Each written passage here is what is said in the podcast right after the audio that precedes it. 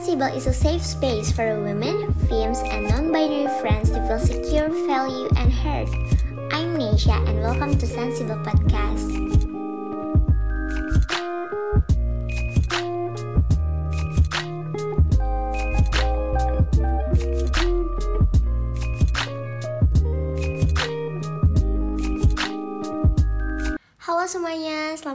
Sensible Podcast episode ketiga ini Balik lagi sama aku Nesha Dan kali ini aku gak sendirian, ditemenin bareng Nafisha Silahkan perkenalan dulu Nafisha Halo semuanya, nama aku Nafisa Faiza Marsha Aurum, tapi aku biasa dipanggil Nafisa. Oke, boleh diceritain gak Syah? Kamu kelas berapa, sekolah di mana gitu-gitu? Boleh? Uh, aku aku kelas 4 semester, itu kayak sama kayak akselerasi gitu. Dan ini tahun terakhir aku di 4 semester.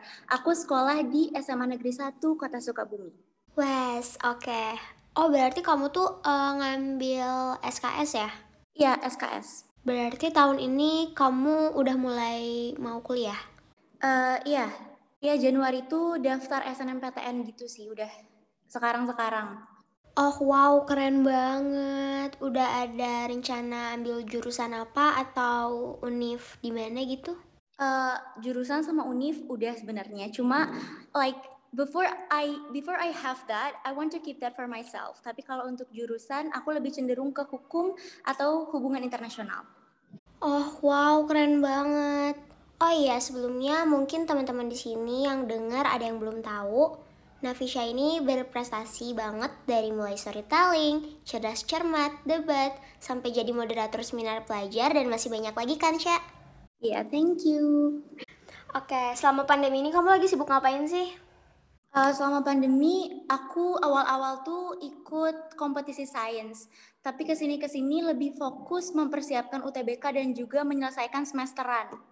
Oh oke. Okay.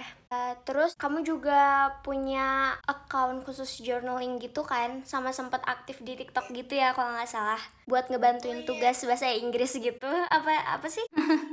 Iya dulu aku sempat aktif di TikTok gitu. Bikin video iseng-iseng gitu karena memang waktu itu aku punya waktu senggang yang cukup banyak lah. Tapi untuk sekarang-sekarang aku jarang banget aktif lagi di TikTok. Terus kalau journal nggak um, nggak sering juga sih kadang-kadang. Jujur keren banget sih bisa ngebantuin orang banyak dengan insight kamu gitu. Banyak banget kan ya yang masih uh, butuh bantuan untuk belajar bahasa Inggris gitu. Sebenarnya iya but actually aku nggak jawab semua question mereka gitu loh. Kayak beberapa aja yang masih bisa aku handle karena aku tuh kayak harus menyesuaikan waktu gitu kan sama online class aku juga. Uh, Oh iya, ngomong-ngomong soal bahasa Inggris nih. Kamu pernah jadi guru gitu ya di tempat bimbel waktu 14 tahun. Kok bisa sih itu gimana ceritanya? Iya, itu tuh waktu aku kelas 8 akhir, mau naik ke kelas 9 SMP. Itu tuh ceritanya aku les sih, waktu itu kan aku jadi murid biasa. Cuma waktu itu uh, si lembaga ini tuh dia lagi mencari guru baru. Nah, guru aku yang ada di situ tuh nawarin katanya, uh, ada kesempatan nih untuk kamu. Mungkin memang katanya usianya masih kecil, tapi kan ini untuk pengalaman apa salahnya nyoba gitu. Terus aku juga nggak realize bahwa aku emang bakal dapetin itu karena jujur waktu tes soalnya itu kayak susah gitu, listening, readingnya kayak mereka panjang-panjang banget. Tapi ternyata ketika hasil tesnya keluar tuh aku lulus. Oh, jadi di tes gitu ya? Apa teman-teman seumuran kamu juga saat itu udah ada yang jadi guru atau gimana? Atau baru kamu doang nih di situ? Dulu tuh aku berdua sih, yang seumuran aku tuh aku sama kakak kelas aku. Sisanya enggak sih, sisanya mereka udah 20 tahun ke atas. Wow, keren dong. Berarti kayak kamu tuh paling muda di situ. Iya. Oke, jadi ada beberapa pertanyaan yang terpilih nih kemarin pas kita open Q&A di IG Sensible. Kita mulai aja kali ya? Iya, boleh. Yang pertama, apa motivasi kamu selama belajar di rumah ini? Uh, jadi gini, belajar di rumah tuh kan started setelah kompetisi sains nasional. Awal-awal karantina aku masuk semester 3. It's been a hard time karena itu masa transisi yang asalnya belajar di sekolah tuh sama guru, sama teman, atmosfernya lebih nyaman dan lebih fun.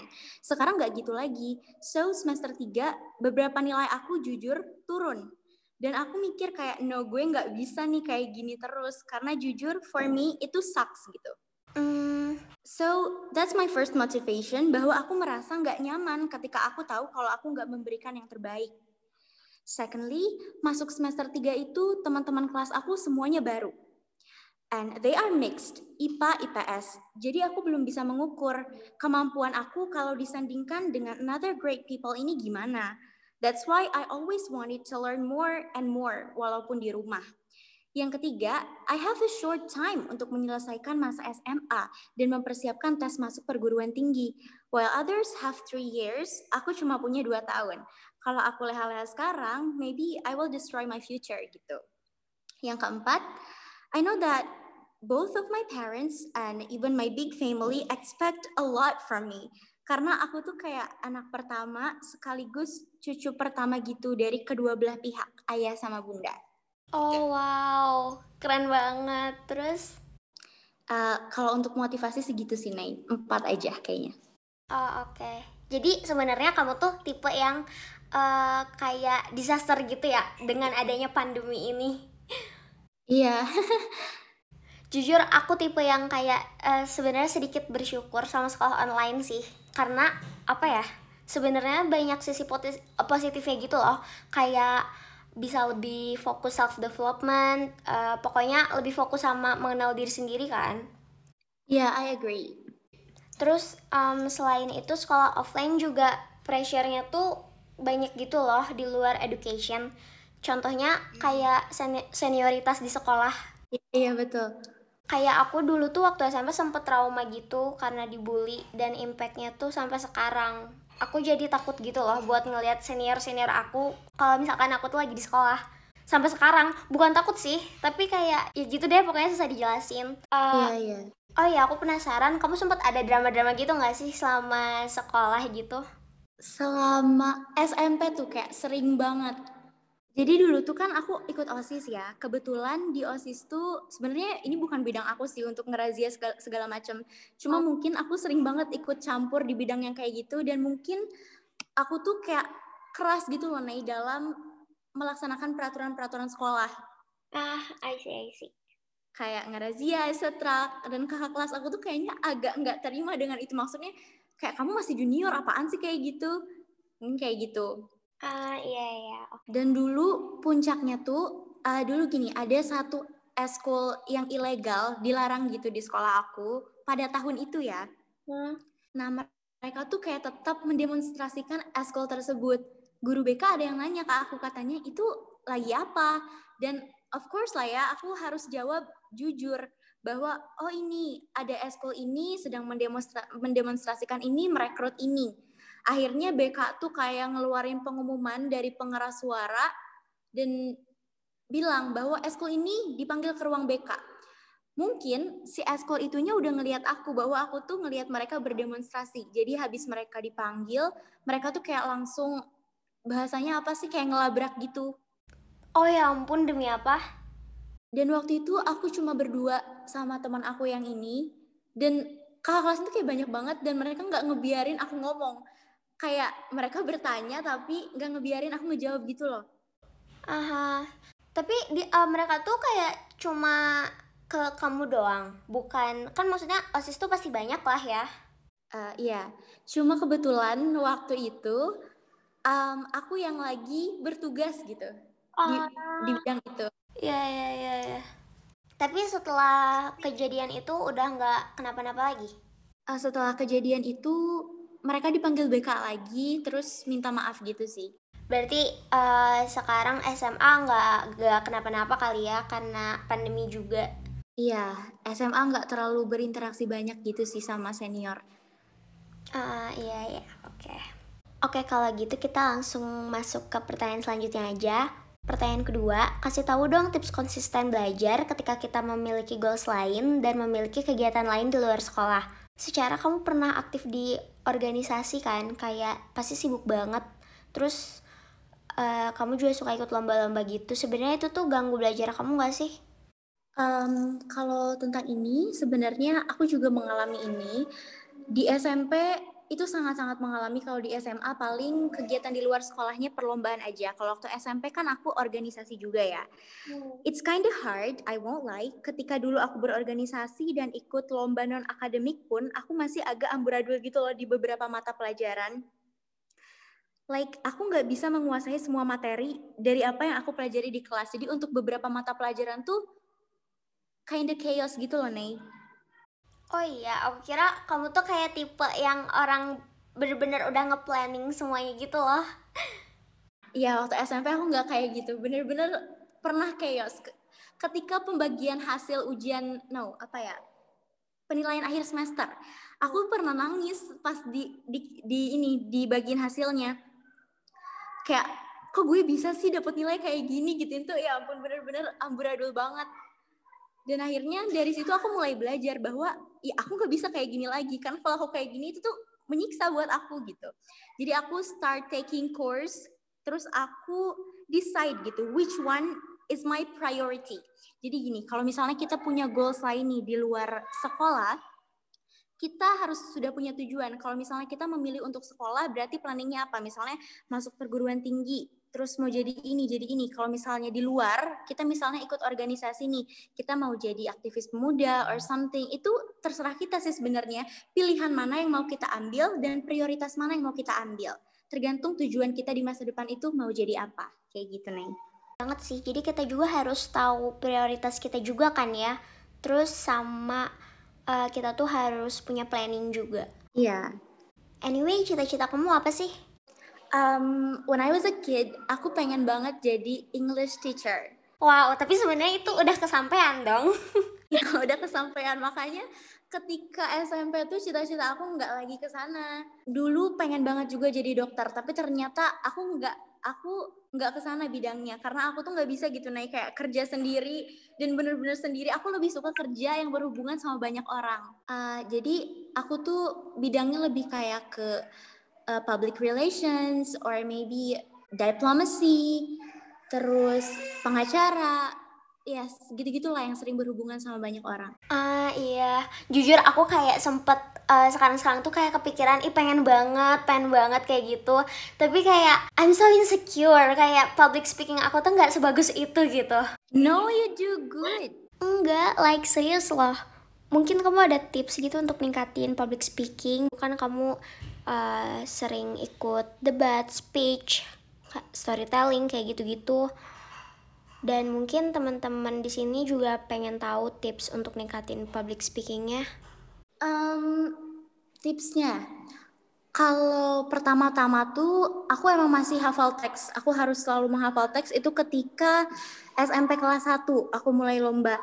Tapi ke sini ke sini tuh karena mungkin jam tayangnya sering gitu loh, naik kita sering oh. bicara depan publik, ikut organisasi, sering ikut lomba. Jadi apa yang mau kita omongin tuh kayak udah tergambar gitu loh di depan. Jadi aku kalau setiap ngomong atau presentasi itu kayak lagi baca, tapi nggak bawa teks gitu. Jadi intinya tuh jangan takut dan tenang pembawaan itu harus tenang. Soalnya kalau kita grogi atau nervous, itu tuh bakal jadi chaos dan kita nggak bisa ngeluarin apa yang seharusnya kita omongin gitu. Ah, uh, iya sih bener banget. Makasih loh tipsnya. Oke, kalau gitu kita langsung ke next question aja kali ya. Oke. Okay. Jujur ini paling banyak ditanyain sih. Kayak uh, apa hal yang kamu lakuin saat kamu jenuh atau males belajar? Hmm, ini sering banget ya aku rasain, apalagi kita kan sekarang um, belajar dari rumah. Iya. Kalau aku jenuh dan dan malah maksain nih, aku jenuh tapi aku maksain untuk belajar itu hasilnya nggak maksimal. Dan yang aku dapat itu malah kecewa gitu loh. Jadi biasanya aku tuh kayak diem, terus analyze my time. Gue punya sisa waktu berapa ya buat musir rasa jenuh ini gitu. Nah dari situ aku cari hal yang match sama sama waktu yang aku punya untuk healing.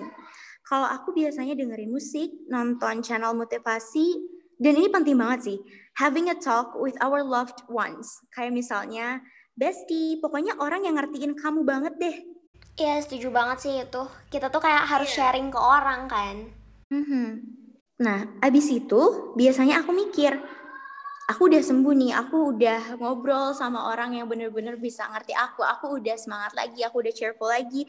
Jadi aku nggak boleh terlalu lama kayak gini, aku nggak boleh terlalu lama jenuh dan aku harus semangat, aku harus bangkit lagi karena so many competitors are really trying to kick me out gitu from that zone. Oke. okay. Um, ya gitu sih. Terus kalau misalnya jenuh, aku biasanya mikirin bahwa kelas aku tuh kayak baru. Like aku nggak tahu loh kemampuan mereka tuh kayak gimana. Apalagi itu kelas online. Ah iya iya. Jadi kita harus harus banget usir rasa jenuh itu dan belajar lagi lagi dan lagi gitu. Hmm, Oke, okay. jadi sebenarnya take a break juga gak sih kayak gitu? Iya, yeah. take a break is important. Iya bener banget guys, kayak penting banget. Lo tuh nggak usah ambis terus-terusan gitu, capek juga. Iya, dan belajar yang terlalu ngambis tuh sebenarnya nggak baik loh gitu. Untuk mental health, terus untuk uh, pola pikir sosial itu nggak terlalu baik sebenarnya. Iya. Oh ya, sebenarnya ada yang nanya juga sih, kamu punya role model gitu nggak? Kayak buat motivasi kamu uh, buat belajar gitu? Role model, um, kayaknya kalau aku nggak enggak sih, aku nggak punya satu orang nih ini tuh bener-bener menginspirasi aku sebenarnya enggak. Cuma dari aku ngambil motivasinya tuh dari seminar-seminar motivasi dan people-nya tuh kinda random. Jadi nggak ada cuma satu aja. Aku pengen kayak dia. No, actually I'm not like that. Uh, jadi sebenarnya nggak ada gitu ya yang kayak spesifik Mungkin boleh uh, kasih ya, tahu enggak, enggak spesifik satu orang. Um, ya? Boleh dikasih tahu ke teman-teman yang dengar podcast ini kayak kamu suka ikut seminar motivasi kayak gitu di mana sih atau kamu suka nonton video-video uh, motivasi aja? Oh, kalau aku uh, biasanya ikut ini sih nonton-nonton video motivasi aja. Biasanya kan juga ada seminar yang mereka tuh kayak ngerekam whole eventsnya, cari-cari di YouTube gitu.